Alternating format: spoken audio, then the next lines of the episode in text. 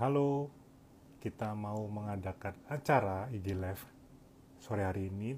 Kita bicara tentang perbisnisan, self development. Kita akan mengundang teman kita dari peripus.com. Ini sedang saya panggil, saya invite. Dan kita kedatangan tamu agung, pakar, pakar bisnis, pakar apa ya, pakar dalam keilmuannya bisa berbincang tentang leadership, bisa berbincang tentang halo Mas Oktano. Halo, selamat sore Mas Ugi dan Nah, ini semuanya. Mas, Mas Mas Mahendra Mahendra sudah join. sudah join nih. Oke deh, gimana nih Mas? Di luar hujan kayaknya Mas Ugi ya. Iya, semoga tidak mengganggu sinyal kita ya. Kita sambil Iya, menunggu Mas semoga. Mahendra untuk bergabung ya. Benar Mas. Mahendra sudah saya kirim invite nih. Hari ini bakal ramai karena kita akan membahas salah satu buku yang menguap lagi-lagi apa ya misteri di balik Amazon kesuksesan Amazon. Nanti juga bakal menarik ya karena Mas Oktano juga menemukan fakta-fakta menarik ya. Ya, ada beberapa hal yang nanti bisa kita bagikan Mas Nugi. Ini Amazon itu yang mereka bilang tuh menyebutnya sebagai Amazonian kalau orang-orang Amazonian. belanja belanja kayak Kalau- tempat kalau- kita juga. Oh ini Mas Mas Mahendra tidak bisa join. Saya invite lagi Mas Mahendra ya. Saya invite lagi Mas. Mahendra. Diskusinya bakal menarik ya karena Mas Mahendra itu ya? Mas Mahendra tidak hanya membaca satu dua buku tentang Amazon, tapi banyak membaca tentang ten bisnis terlebih kisah-kisah para pengusaha di balik di balik kerajaan bisnis yang besar. Kita nggak bicara soal cuan di sini ya, tapi Ya. lebih soal self development sebetulnya. Benar, benar, benar. Nah ini sambil menunggu Mas Mas Mas Oktano, saya manggilnya Mas Tano atau Mas Oktano nih ya, enaknya. Tano saja biar akrab. Mas Tano ini lagi di kantor ya Mas ya. Iya, kebetulan lagi di kantor nih. Ya, masih Kantor belum nih. belum pulang nih. Belum pulang. Belum pulang. Masih nunggu Setelah jam, acara- jam pulang. Setelah acara ini kita baru akan pulang. Ini Mas Mahendra, Iya. apakah Mas Mahendra bisa sambil menunggu? Ya untung kita ada spare waktu, kita akan mulai jam 4. Ini saya akan undang lagi, coba undang Mas Mahendra. Oh Mas Toto juga ikut bergabung nih di acara ini. Ntar saya coba Oke, Mas Mahendra. Oh, wah, ada kesalahan teknis lagi. Saya coba undang lagi. Mas Mahendra Datu. Menarik loh. Perkenalan saya dengan Mas Mahendra itu justru saya mengenal beliau sebagai seorang influencer, tapi Oh, innovation influencer. Oke. Coba saya undang lagi, ternyata beliau minta diundang lagi. Mm-mm. Saya invite Mas. Nah, innovation influencer. Kalau kita kan pahamnya influencer ya sebagai Mm-mm. suatu apa ya atribusi pekerjaan gitu kan ya. Iya. Nah, kalau innovation influencer itu kemudian Mas Oktano pernah dengar nggak istilah influencer atau tentang innovation influencer gitu? Oke, kalau soal influencer mungkin kalau bahasa Indonesia-nya itu pemengaruh gitu ya. Peng- Pengaruh, dan Pemengaruh. sekaligus kalau inno, innovation atau tadi apa Mas? Mas Nugi Inno- innovation influencer. innovation influencer ya kalau mau boleh saya bahasakan ulang itu sebagai pepengaruh dan pembaharu menurut saya. Baru ya. Iya, karena banyak hal-hal yang dibagikan oleh Mas Mahendra yang menurut saya itu sangat baru buat saya sendiri gitu loh. Paling nggak buat saya sendiri, mungkin juga teman-teman yang lain juga merasa demikian. Hmm. Karena memang banyak banyak ins- banyak insight yang bisa kita ambil dari apa yang sering kali dibagikan Mas Mahendra ini baik lewat feed IG maupun juga lewat acara-acara yang sering juga dia adakan gitu Mas. Ya. Yang menarik itu loh, jenis apa ya? Jenis pengembangan dalam bisnis innovation innovation influencer. Nah, di dalam www.blog.peripus.com sudah ada artikel tentang buku yang akan kita bahas sore hari Benar. ini ya, The Business Letters. Saya menarik di situ karena ada lebih itu sih, ada kutipan dari The Festivalis. Oh ya, festivalis. Ah. Mas Nugi pernah dengar belum festivalis nih? Yang saya tahu festival itu kelompok band dari Yogyakarta. Nah itu Mas Oktano sebagai perilis perilis tulisannya ada apa gerangan menulis Ger- tentang gas gitu. Iya, mengapa saya ngambil eh, kutipan dari lagu Gas, judulnya Gas pakai Hmm. tanda seru ya. itu hmm. berjalan tak sesuai rencana adalah jalan jalan yang sudah biasa dan jalan satu-satunya jalani sebaik yang kau bisa sebenarnya itu hmm. doang karena uh, saya mengambil itu ketika merefleksikan atau menuliskan saripati dari bukunya The Bezos Letter ini itu agak-agaknya sebenarnya nggak jauh beda dengan lirik itu. Nah, hmm. yang paling saya ingat itu adalah soal bagaimana Jeff Bezos ini membangun pada awal mulanya membangun Amazon. Mas Nuki pernah dengar nggak? Dulu Amazon itu sebelum menjadi Amazon namanya apa pernah dengar nggak? Saya saya yang saya ingat itu kayak Harry Potter gitu apa sih? Hmm. apa apa itu ya kayak itu loh yang kayak ya. jimat mantra-mantra itu apa mas hmm. mantra sulap namanya hmm. kadabra. kadabra kadabra iya kadabra itu oh, diambil meng, eh, eh, diambil dari kata abrakadabra yang adalah rumus umum gitu.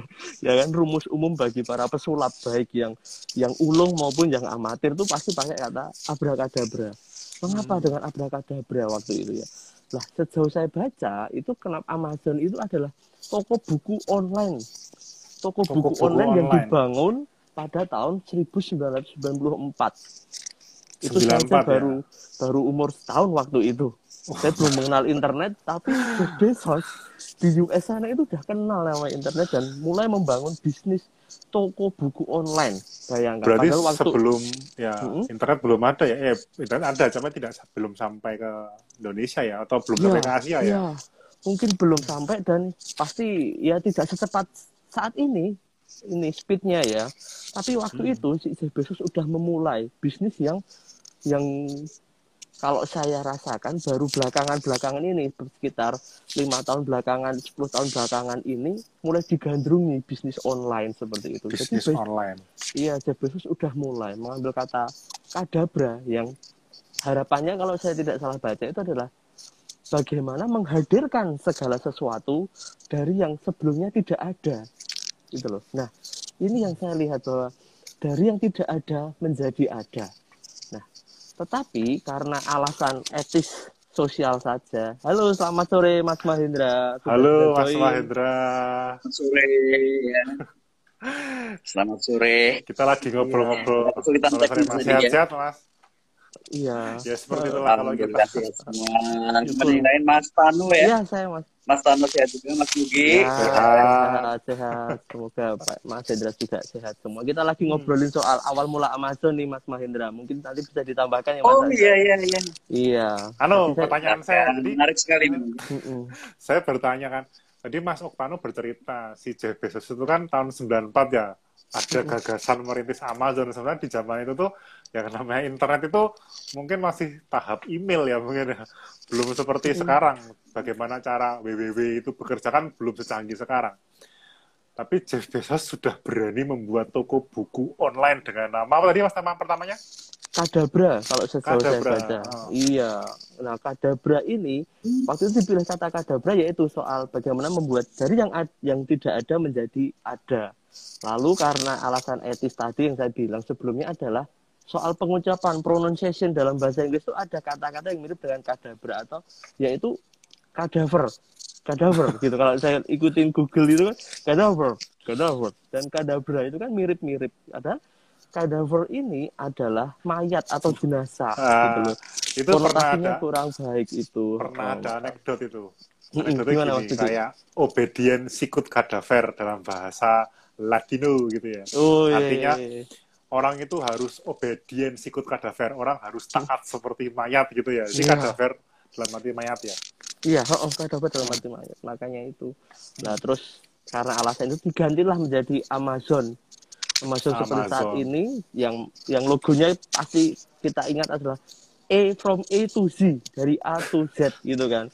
Ya, Jadi ya, semua hal itu ada di Amazon. Kita mau cari buku, mau nyari properti, mau nyari banyak hal ada di Amazon. Jadi ya. Tapi kalau ya, mencari belahan hati tidak mungkin kan di Amazon ya Mas ya.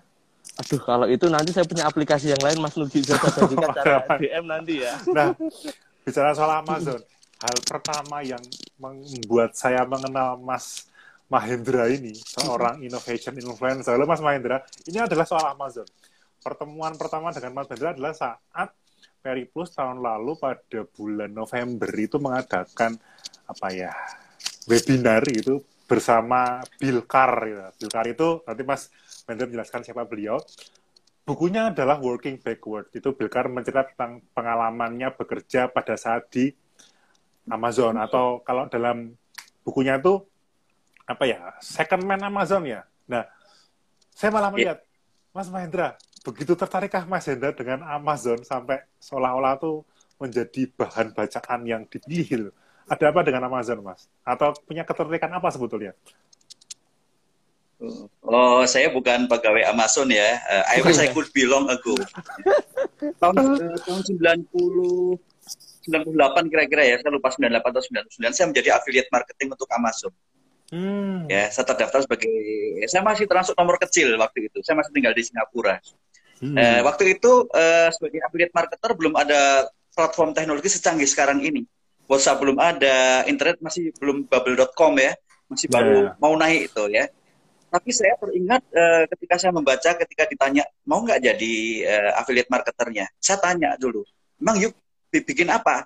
Nah, waktu itu internet juga belum begitu advance seperti sekarang, masih carinya dengan Yahoo, dengan Alta Vista atau Lycos. Saya temukan Amazon itu adalah awal mulanya tahun 94 itu mail service. Jualan buku dan CD, hmm. CD, hmm. kaset ya, melalui mail service. Lalu mereka menjual ke seluruh dunia. Tahun 97 sudah IPO. Dalam waktu tiga tahun lah kurang lebihnya sudah IPO. Dan mereka sudah mantap, saya akan memakai internet. Dan itu adalah keputusan yang termasuk cepat untuk dunia teknologi. Belum ada yang secepat Amazon eh, tiga tahun sudah IPO. Ya, dari garasi langsung ke eh, Nasdaq di New York Stock Exchange. Habis hmm. itu sejarah mengatakan ya tercepat satu 100 miliar dolar pertama sales itu adalah Amazon. Belum pernah ada company yang secepat itu mendulang revenue omset segede itu dalam usia yang sangat tinggi. Nah, yang menarik bagi saya Amazon adalah sosok pendirinya. Sayang ya beliau cerai, tapi sebenarnya orang yang sangat uh, untuk sharing itu adalah McKinsey-nya. Okay. McKinsey itu yang mencatat sendiri ya banyak hal bagaimana mereka berdua mengawal. Amazon ini lucu. Hmm. Pada waktu transformasi dari dari uh, offline menjadi online, hmm. mereka langsung memakai nama yang tadi disebutkan namanya kadabra. Kita akan pakai spirit spirit uh, sungai terpanjang. Karena apa? Target seluruh dunia tercapai. Hmm. Kita jualan apa saja sebenarnya melalui online. Nah, hmm, itu yang buat saya tertarik. Waduh, ini perusahaan uh, anak kemarin sore udah mau kayak gitu ya. Pada waktu menjadi affiliate marketer, saya baru tahu cara mereka itu pandai sekali mereka bikin hub di beberapa tempat termasuk di, di Singapura kira-kira itu mas ya hmm. menarik loh artinya terkadang melihat Amazon itu seperti melihat sebuah mimpi yang diwujudkan gitu kan ya apa anak muda yang berani bermimpi saya bayangkan kalau namanya Kabadra gitu ya apa Kadabra. Kadabra itu berarti bukan dari A to Z tapi C to A gitu kan ya. C to A gitu kan ya. Maksudnya malah jadi malah jadi kurang filosofis, kurang menjual, yeah. kurang brand. Nah, Mas Oktano, saya kembali Mas Oktano, Mas Oktano. Okay. Mas Oktano tadi seawal sudah sudah mengungkap beberapa fakta menarik. Ada nggak Mas Oktano apa ya semangat juang? Karena kan mau tidak mau yang namanya orang merintis kan pasti gagal ya. Nah, saya ingin melihat bagaimana si Jeff Bezos ini memaknai kegagalan. Apakah okay. seperti semangat waktu kita SD, kalau kita punya buku sinar dunia itu kan ya, ada pepatah di bawah kegagalan adalah apa gitu kan ya, keberhasilan yang tertunda. nah, gimana? Apakah ada sudut pandang tertentu si Jebesos ini memaknai kegagalan itu sendiri? Mas Oktano, silakan Mas. Iya, kalau sejauh saya baca buku ini dan beberapa literatur yang saya lihat, uh, Jeff Bezos ini banyak bercerita soal sukses failure kayaknya, failure gitu ya Mas Duki ya bacanya, sukses failure. Itu soal kegagalan yang berhasil. Gitu. Orang gagal kok bisa berhasil? Itu cara pikirnya bagaimana? Nah justru ini yang membuat saya bertanya-tanya. Ternyata Jeff Bezos melalui berbagai macam tulisan termasuk surat-suratnya baik untuk para investor maupun para karyawan di Amazon atau para pekerja di Amazon itu mau menggarisbawahi soal bagaimana dia ini kalau mau saya katakan adalah berdamai dengan kegagalan. Gitu kadang kala orang itu nggak uh, mau ya menghindari soal kegagalan itu dihindari. Jangan sampailah saya gagal. Maunya tuh berhasil terus tiap dalam doa kan juga gitu ya. Kalau kita berdoa entah dengan agama apa pun pasti mohonnya soal kesuksesan soal kelancaran hmm. dan segala macam. Nah soal berdamai dengan kegagalan ini saya punya apa namanya ada satu kalimat yang saya garis bawahi secara tebal di buku itu. Itu malah ada di bab pertama ya, ya di bab pertama. Kalimatnya begini nanti mohon maaf kalau pronunciationnya kurang bagus ya. Ini kalimatnya begini. In short success failure is what you learn from failure and how you apply what you've learned and makes all the difference. Ya kan? Bahasa Indonesia-nya kurang lebih begini. Bahwa singkat kata. Ya, singkat kata terjemahannya gitu ya. Kegagalan yang berhasil atau itu uh, adalah bagaimana kita belajar dari kegagalan lalu kita mengaplikasikan yang kita pelajari dari kegagalan itu dan membuat perubahan gitu jadi ketika kita jatuh pada titik paling bawah ya titik nol titik dasar kita itu justru diajak untuk belajar, untuk mawas diri, untuk refleksi, hmm. tidak hanya lalu apa namanya galau. Nah, kalau orang anak Twitter tuh bilang sambat gitu loh, sambat. Terus ada juga yang mengatakan tidak move on, lalu sambat. atau hanya ya sekedar ngomong doang, tapi lalu nggak ada actionnya. Nah, Jeff Bezos, Jeff Bezos ini ngomong, ya belajarlah ketika kamu gagal, lalu buatlah perubahan dari situ. Nah, saya mau mengatakan bahwa ketika gagal itu justru kita belajar untuk mencari celah di mana kita bisa membuat perubahan yang lebih baik untuk hidup kita sendiri gitu loh. Kalau nggak untuk hidup kita ya untuk usaha, untuk bisnis, untuk apa pun yang kita lakukan. Ya, itu ya. yang yang mau saya garis bawahi Mas Nugi soal belajar dari pengalaman kegagalan lalu mengaplikasikan yang kita pelajari dari bahkan sampai menamai kegagalan yang berhasil gitu kan ya. Iya, oh, oh itu nah, luar biasa banget loh itu kalau di dalam bukunya kan saya ya icip-icip sedikit ya bukunya ya. Nah, sambil saya nanya ke Mas Mahendra atau Mas Mas Kuku ya, Mas Mahendra, Mas Kuku sama ya. ah, gini, si Jeff Bezos saat memaknai kegagalan itu kan dia juga menemukan satu term gitu kan yang menarik ya, karena dia kan ngomong soal berjuang. Bezos mengatakan soal perjuangan. Artinya diajak orang untuk terus berkarya tanpa putus asa. Jadi seperti ada kata-kata gini, selalu kembalilah ke hari pertama. Itu kan ya semangat day first loh, first day atau karena hari pertama itulah semangat inovasi dan usaha mulai menggebu-gebu. Ya. Sehingga frase day day satu atau first day itu menjadi menarik di buku ini. Nah, saya mau bertanya kepada Mas Mahendra. Mas Mahendra sendiri saat membaca apa ya terma term day satu ini apa ya Mas Hendra, Mas Mahendra dapatkan? Uh, ya, saya uh, terinspirasi dengan kata-kata dia ketika IPO lalu tahun 97 di akhir tahun 97 itu dia membuat surat kepada investor itu surat pertama dia hmm. ya. Uh, dia membuat surat itu dan mulai mengkoin uh, istilah dewan kenapa? Ternyata si Jeff Bezos itu tidak mau ada namanya day itu kalau ada orang mengatakan day itu dengan hal yang sama mereka nggak ada inovasi. Hmm. jadi every day is always day one. Seperti Jeff Bezos itu ya ya setiap kali ulang tahun ya umurku tetap satu umurku tetap satu tak hmm. satu bahkan dia sekarang baru mau bikin itu ya supaya hidup abadi ya kalau yeah. dengan ceritanya hmm. ya ya nah, jadi konsep back to dewan ini setelah saya sarikan dari bukunya ya bukunya ini yang sudah terbit ya para pemirsa ya saya sudah mendapatkannya ada di Periplus bayangkan anda membuat surat kepada investor hmm. bahwa kita tetap akan go go back to uh, dewan tahun 98 eh, setahun setelah IPO dia membuat surat lagi yang kedua. Dan dia mengattach melampirkan surat pertama tahun 97 lalu tahun 2019 dia tahun lalu dia mengundurkan diri. Dia bikin surat kepada investor. Dia lampirkan lagi yang 97 karena apa? Supaya orang ingat pada masa-masa kita itu melahirkan sesuatu yang baru.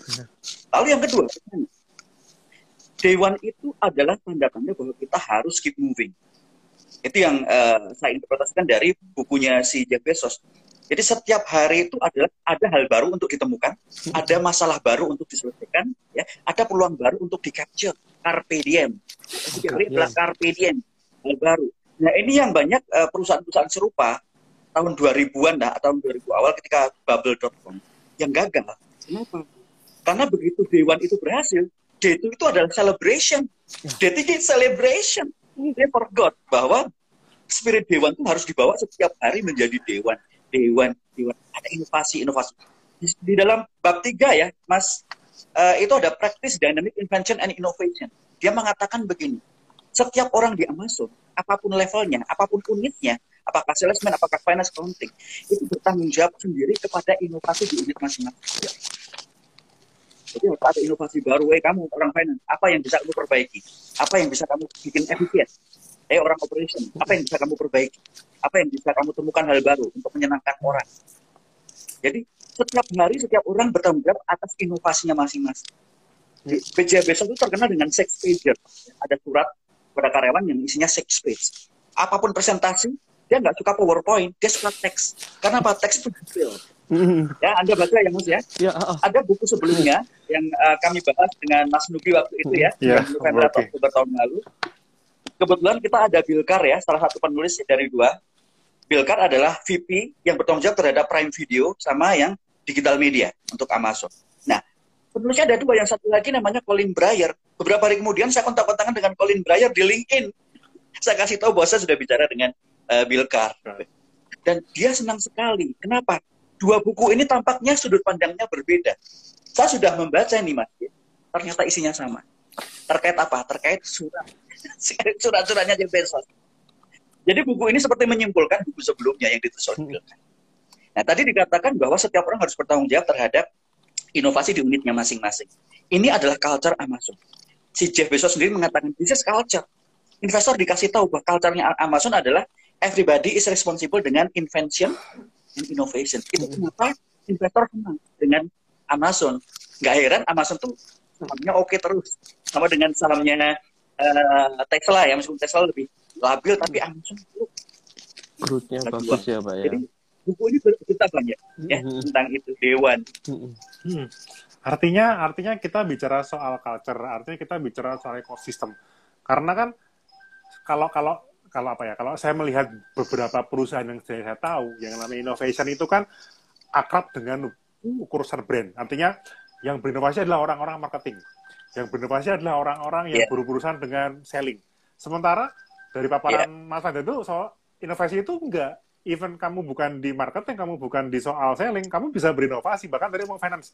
Saya berpikirnya, terus mentalitas apa ya Mas yang dimiliki seseorang untuk bisa paham bahwa innovation itu adalah tanggung jawab semua orang. Karena kan nggak mau masuk ke dunia kerja kan sudah masuk ke rutin- rutinitas ya. Ada job desk, ada hal admin. Nah, kira-kira Mas semangat Iya. semangat apa yang harus dimiliki seseorang agar bisa punya sense of inventing something gitu Mas? Iya, iya baik. Eh, sebenarnya bukan penemuan saya ya tadi soal inovasi adalah itu penemuan buku ini lah si Steve Anderson ya. Ya. Steve Anderson buku ini itu eh, merangkum surat-suratnya. Jadi surat-suratnya itu diinterpretasikan oleh Steve Anderson. Kenapa kok Jeff Bezos ingin kultur inovasi itu eh, ada di karyawannya masing-masing? Karena apa? Dia tidak bisa membuatnya dari dia itu, tidak bisa top, top eh, ke bottom, tidak bisa dia menularkannya. Setiap orang harus antusiasme yang sama dengan dia. Contohnya begini, eh, seperti tadi dikatakan setiap unit harus punya kultur inovasi. Caranya de- dengan mudah. Ingat, remember Dewan. Dewan itu adalah saat masalah diselesaikan oleh Amazon. Happy dong. D2 ada masalah baru yang harus diselesaikan juga. Mm-mm. D3 sama harus ada masalah baru. Jadi tugas tiap-tiap unit di atau kultur di Amazon adalah menemukan masalah baru dan harus diselesaikan. Jangan sampai orang tidak menemukan masalah. Ibaratnya kalau Jeff Bezos tanya ada masalah apa hari ini, tidak ada, dia akan kecewa. Ya. Ya, dari buku ini ada kelihatan harus ada sesuatu yang diselesaikan hari ini. Mm-mm. Udah diselesaikan kemarin Pak, Paknya nggak di buku ini mengatakan bukan itu. Harus pasti ada masalah baru. Nah, jadi setiap hari itu orang dianggap sebagai dewan. Hari pertama ketika masalah sedang diselesaikan. Oke. Besok ada masalah baru, berarti itu dewan lagi. Hmm. Ini bagus sekali buku ini. Saya rekomendasikan Anda uh, uh, teman-teman di yang ikut ID Live ini untuk membeli buku. Buku ini tidak terlalu tebal, bahasanya sederhana, Steve Anderson bagus sekali, dan wow banget. Kita dibuka mata kita soal kultur yang dibentuk sampai ke, ke tataran pribadi-pribadi. Jadi orang aman tuh, kalau pergi ke dunia keluar gitu ya, kulturnya itu akan dibawa, kultur inovatif, kultur dewan. tidak ada celebration di hari kedua. Hari hari berikutnya ada ada lagi masalah baru diselesaikan. Ya, ya. Maka kultur problem solver saya lihat. Ya. Benar, benar, benar. Saya jadi teringat film Pacific Rim gitu ya. Setiap kali si robot-robot itu mengalahkan kaiju itu, si komandernya ngomong, Iya. start counting kan ya begitu si monster itu kalah ya kamu nggak ada perayaan kamu harus bersiap untuk mengalahkan the other monster gitu kan ya. itu di film Pacific Rim kan Iya, ya. nah saya mau ke Mas Oktano nih Mas Iya. Oktano tuh sebetulnya pas kita awal tadi kan kita sempat ngomong soal The Festivalis ya ada sebuah grup band Mas Mas Mendra Iya. dari Jogja tempat Mas Mendra lahir kan ya Mas Mendra orang Jogja kan ya nah ada band ini saya mencoba mengkait-kaitan ya. Tadi kan ngomong soal Carpe Diem. Carpe Diem itu kan kalau dalam bahasa Inggris Save the Day itu kan ya. Kayak lagunya Avenged Avenged Sevenfold gitu kan ya Iya. rock juga asal Iya. Amerika. Nah, di Jogja itu juga punya band namanya The Festivalis. Dia punya lagu judulnya Gas. Tadi Mas Oktano sempat cerita soal bagaimana sepenggal lirik gas itu setidaknya menjadi apa ya kalimat yang frekuensinya sama dengan apa yang dikatakan Jeff Bezos soal dewan, soal mentalitas innovation. Mas Oktano bisa memperdalam lagi kenapa memilih band festivalis ini sebagai upaya untuk membantu menghidupi nilai kulturnya Jeff Bezos Mas Oktano. Oke, Mas. Nah, kenapa milih festivalis itu yang paling akrab di telinga saya sebenarnya. Itu alasan yang paling mudah harus saya katakan. Itu yang paling akrab di telinga saya ketika waktu dulu masih sekolah di Jogja, saya sering nonton konsernya festivalis dan memang eh, festivalis ini bukan bukan kelompok band yang yang apa namanya ngomongin soal cinta-cinta atau apa pun itu ya romansa-romansa muda-mudi tapi lebih soal kritik sosial sebenarnya maka saya mengambil uh, latar belakang itu juga untuk mendalami Bezos, The Bezos Letter ini gitu loh. Tadi Mas Mahendra sempat mengatakan bahwa soal setiap hari ada masalah gitu loh. Kalau nggak ada masalah, itu justru masalah gitu loh kan ya. Iya kan? Iya nggak sih Mas Hendra? Kalau nggak ada masalah, malah itu masalahnya gitu loh. Nah, Iya. ini menarik juga gitu loh. Nah, karena kalau nggak ada masalah, seakan-akan semua itu berjalan tenang. Tapi padahal nggak tahu nih ya ke depannya seperti apa. Justru yang tenang itu malah menghanyutkan. Kalau orang Pak Guru dulu bilang kan, air tenang menghanyutkan gitu loh. Malah bikin kita tenggelam. Justru dengan Diam-diam adanya riak, dengan riak-riak, dengan ada ano, apa namanya jeram segala macam, justru kita di apa namanya dimotivasi untuk selalu mawas diri kalau mau saya bilang. Nah, Nah, lalu mengapa saya menggunakan kalimat eh, soal berjalan tak sesuai rencana itu loh. Nah, kadangkala yang saya yang saya garis bawahi dari awal tadi adalah soal kegagalan. Maka ketika orang berhadapan dengan situasi di mana dia itu sudah tidak mampu menghadapi hidupnya, kadangkala itu pilihannya dua. Kamu mau lanjut atau berdiam diri. Kalau berdiam diri, kamu nggak akan bisa membuat apa-apa, gitu loh. Tapi kalau kamu mau lanjut, siapa tahu kamu dapat insight baru dalam hidupmu yang kemarin-kemarin nggak akan kamu sadari, gitu loh.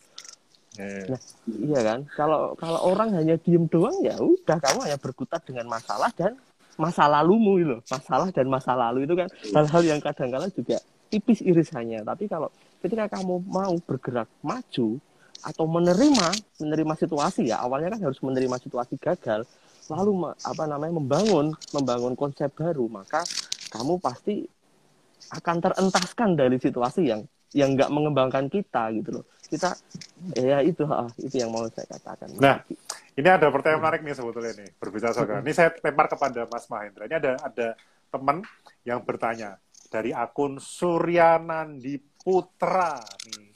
Suryanandi Putra nih Oh, dari dari namanya ini kayak ini dia nama-nama seorang manajer gitu ya. Nama Surya itu nama-nama Agung. Nah, ini Mas Mahendra ada Amin, pertanyaan. amin. amin Apakah Baik. dalam buku itu, Mas Mahendra, ditunjukkan bagaimana menemukan masalah? Karena seperti pengalaman Nokia, sampai dia kolaps, nah pas zaman BlackBerry itu kan ya, di akhir pun dia belum menemukan masalahnya dalam perusahaan. Ini pertanyaan dari uh, Suryanandi Putra nih. Apakah ditunjukkan bagaimana menemukan masalah? Ini pertanyaan teknis atau Ya. Eh, langsung saja ya. Langsung. Eh, saya browse through da- dari prinsip, ada 14 prinsip dalam buku itu. Prinsip ke-8 itu bicara soal itu. Ya, tidak serta-merta kompatibel dengan cara menyelesaikan masalah di Indonesia. Tapi prinsipnya adalah make complexity simple. Kadang-kadang kalau menyelesaikan masalah orang Indonesia itu ya jalan ke mana-mana dulu padahal cuma 2 meter jaraknya, ya kan? Sementara di Amazon timing itu menjadi penting. Time is money Ya, si Jeff Bezos sendiri mengatakan dalam bukunya time itu is money. Jadi you kalau mau selesaikan masalah, jangan bikin masalah baru dengan menundanya atau memperpanjangnya. Hmm. Itu sama seperti pepatah lama yang mengatakan masalah itu lebih jauh lebih besar di mind daripada di reality. Nah, ini Jeff Bezos uh, uh, oleh si Steve Anderson dianalisis prinsip ke-8 itu yang mengatakan make complexity simple. Misalnya ada beberapa masalah yang tampaknya sukar, susah. Setelah diamati, dipikirkan, oh itu bukan masalah sebenarnya, itu adalah akibat dari masalah sebelumnya. Jadi yang masalah bukan yang kita sadari, misalnya nih, saya nggak punya uang, itu masalah. Oh, jadi kalau ada orang kasih uang, masalah selesai. Tampaknya selesai, ya kan? Hari ini nih saya nggak punya masalah, nggak punya uang. Mas Rugi kasih saya satu juta. Hari ini masalahnya selesai. Besok bagaimana? Ya kan? Berarti masalahnya bukan Mahindra tidak punya uang, tapi Mahindra tidak punya pekerjaan. Iya, benar, benar, benar. Ya, si uh, Jeff Bezos mengajarkan kepada itu setelah dianalisis oleh penulis bukunya yaitu Steve Anderson. Hmm. Ada yang namanya make complexity simple. Jangan memper, mempersulit. Itu setara dengan orang-orang besar lainnya, uh, Steve Jobs misalnya ya. Hmm. Steve Jobs sama si Elon Musk. Kalau ada beberapa hal yang tidak dipakai, buang. Misalnya begini, di Tesla, Tesla itu hanya ada 20 moving parts dalam satu mobil Tesla. Artinya kalau tear and wear, ganti mesin, ganti filter, itu ya, di, di mobil Tesla itu hanya ada 20. Sementara mobil konvensional ada 2000. Mobil kita ini ya. Satu banding seribu. Mesinnya bergerak. Sementara di mobil listrik hanya ada tiga komponen utama. Construction, motor, sama baterai. Ya. Udah, that's it. Ya.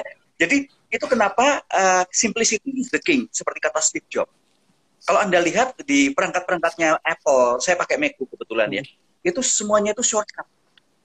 Nyala, sip, satu detik langsung on, siap pakai. Kalau Anda sudah biasa pakai MacBook, Anda buka, langsung siap pakai. Nggak pakai booting gitu kan, ya.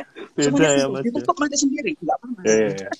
nah, Steve Jobs mengatakan itu ya, make complexity simple. Ya, Anda bisa terjemahkan dalam konteks Indonesia silahkan, tadi Mas Surya tadi. Dengan mempersulit kalau masalah itu besarnya di sini, bukan di reality. Kadang-kadang lebih besar di mindset kita. Benar. Uh, terima kasih ini malah langsung masuk ke soal 14 prinsip tadi ya. Akhirnya kita nggak usah perlu bahas 14 14 nya biar teman-teman di sini juga membaca langsung pengalaman membaca langsung 14 prinsip yang yeah. diuraikan oleh Mas Steve Anderson itu kan ya. Nah, yeah. tolong sampaikan ke Mas Suryanandri, Mas Suryanandri kalau masih stay di sini itu seperti kata Mas Mahendra belajar dari pengalamannya Pak Jeff Bezos itu buatlah sesuatu sederhana ya. Ada di situ nggak? Mas semoga masih di sini ya mas Surya mas Surya nanti ya. Nah yeah. kita sudah jam 16.30 tidak terasa waktunya karena kita 30 menit kita akan berdiskusi soal buku ini. Justru tadi pengalaman atau saat mas Mahendra menyebut nama Steve Jobs jadi menarik. Mas kapan-kapan kita ngomong soal Steve Jobs yuk karena karena oh ya karena, oh, saya ada bukunya juga itu. Nah kemarin tuh ayo. saya menemukan buku Steve Jobs behind the iPhone gitu loh. Bagaimana hmm. iPhone muncul. Dan katanya adalah uh, smartphone with with one dimensional saya nggak tahu masih belum baca. Cuma bukunya agak hmm. tebel pak menarik tuh bukunya. Nah kapan-kapan oh. kalau kita ada waktu kita ngobrol soal apa namanya apa Steve Jobs ya. Karena di sini kebetulan Mas Oktano juga Steve Jobs mania nih Mungkin kita sama siap. Ternyata kita sama orang Jogja ya. Gitu ya. Baru tahu saya. Selera aja orang Jogja mah agak tinggi-tinggi gitu ya Mas ya. Iya. Sombong dikit nggak apa-apa lah. Iya iya. Meskipun kita pakai iya. barang-barang Apple yang agak lama gitu Mas Tano ya. Iya. Tidak uh, tapi yeah. setidaknya kami merasakan sebenarnya bahwa menggunakan MacBook itu kalau pengalaman saya pribadi adalah saya bisa bekerja dengan satu tangan gitu. itu saya satu tangan bisa bekerja yeah. tangan bisa itu udah betul bisa. sekali oh, itu keren juga ya the way dia merancang kapan-kapan kita ngobrol yeah. mas ya soal Steve Jobs ya mantap nih nah yep. untuk penutup yep. nih Mas Mahendra Mas Mahendra boleh dong berbagi satu closing statement untuk teman-teman yang masih stay di sini ini satu kalimat atau satu paragraf mas atau satu apa ya yang bisa kami bawa pulang lah untuk kami apa ya kami cerna sebagai bacaan yeah. itulah Monggo Mas Mahendra. Karena topiknya hari ini tentang Jeff Bezos dan Amazonnya, dan saya sangat terinspirasi ya. Saya kalau boleh dibilang hari ini benar-benar uh, senang diberi kesempatan untuk ngoceh soal itu. Mari uh, mari kita sama-sama melihat seperti Jeff Bezos. Setiap hari adalah day one, hari pertama. Ya. Day number one. Supaya apa? Supaya kita setiap hari itu terpacu untuk memperbaiki sesuatu lebih baik lagi. Tidak ada kata berpuas diri. Nah itu kalau olahragawan tahu, atlet tahu tidak ada berpuas diri setelah mendapatkan trofi. Mm-mm. Tapi kalau orang seperti kita yang sedang di corporate, Hmm. gitu, habis kita dapat penghargaan, seminggu kemudian kita pesta. Kita Pasti. lupa bahwa ada masalah baru gitu. Setiap hari itu harus antusias. Itu dari saya mas ya. Ya, Everyday itu bukan sesuatu yang every day is day one itu Mm. nanti kita bikin kaos kita sablon ya Mas Oktano every day Iya. is day one. Daiwan Kadal. mentality. Oh, iya. Mahendra Kadati. jangan lupa gitu dikirim ke saya ya. tanda tangan langsung Steve Anderson nanti. Mas Oktano nih, Anda juga saya tawari untuk membuat closing statement, tapi sekaligus menjawab pertanyaan yang ada Mbak Desi Ya. dari Surabaya. Hmm. Apakah di buku ini membahas tentang manajemen resource? Kalau ada bilang ada, kalau nggak ada, kira-kira apa closing statement Mas Oktano tentang human resource based on these books? Human resource yang mau saya katakan, saya nggak saya nggak lupa, saya baca di sini atau di literatur yang lain ya? Soal human resource dalam suatu perusahaan yang saya mau gari- yang saya mau bilang adalah begini. Di tulisan tersebut di artikel tersebut mengatakan bahwa di Amazon yang di head office-nya sana kadangkala ada rotasi eh, posisi ya. Rotasi posisi itu tapi yang harus dilakukan atau yang harus dialami oleh semua orang adalah menjadi customer service. Karena Amazon menginginkan pelayanan yang baik dan maksimal. Nah, justru inilah uh, yang menurut saya oke itu adalah soal uh, pelayanan gitu loh, pelayanan terhadap customer dalam sebuah usaha itu yang harus diperhatikan. Menurut saya soal human resource itu juga harus sampai titik yang paling frontlinernya itu harus juga sampai diperhatikan jangan sampai mentang-mentang frontliner terus disepelekan jangan justru yang sekiranya terlihat sepele-sepele kayak gitu itu malah justru juru kuncinya ini juru kunci perusahaan menurut saya Ya, kalau ya, nggak ya. ada mereka mau jadi apa kan gitu aja ya itu Garda yang depan gitu ya. Heeh, itu harus Ujung tetap tombak ya. ujung tombak dan ujung tombok jangan sampai ya itu ujung, ujung tombak yang satu Iya, ujung tombak ya Mas Oktano. Mm-mm, ya ya itu soal pertanyaan tapi kalau soal untuk closing statement saya tetap ber, ber, berpijak pada apa yang saya sampaikan sejak awal yaitu soal berdamai dengan kegagalan maka closing statement saya adalah sudah siap gagal Sudah siap gagal Oktano. Iya. Every day is day one, Mahendra Kadatu. Terima kasih Mas Mahendra dan Mas Oktano ya untuk partisipasinya. Ya. IG Live kita ketemu lagi di an- another IG Live dengan tema Steve Jobs ya. Kita cari buku Oke. yang bagus ya. Boleh. Oke, Ya. siap teman-teman, kami akan mengakhiri IG Live ini dalam hitungan 3, 2, 1. Terima kasih sudah setia bersama kami, Peri Plus ID. Jangan lupa mampir ke Instagram kami untuk melihat informasi menarik seputar dunia buku atau blog kami www.blog.peripus.com jika teman-teman pengen butuh rekomendasi buku-buku terbaik, buku-buku pilihan, dan tentang review-review buku menarik dari tim Peripus. Selamat sore, terima kasih semuanya. sampai jumpa Terima kasih semuanya. Oke. Mari.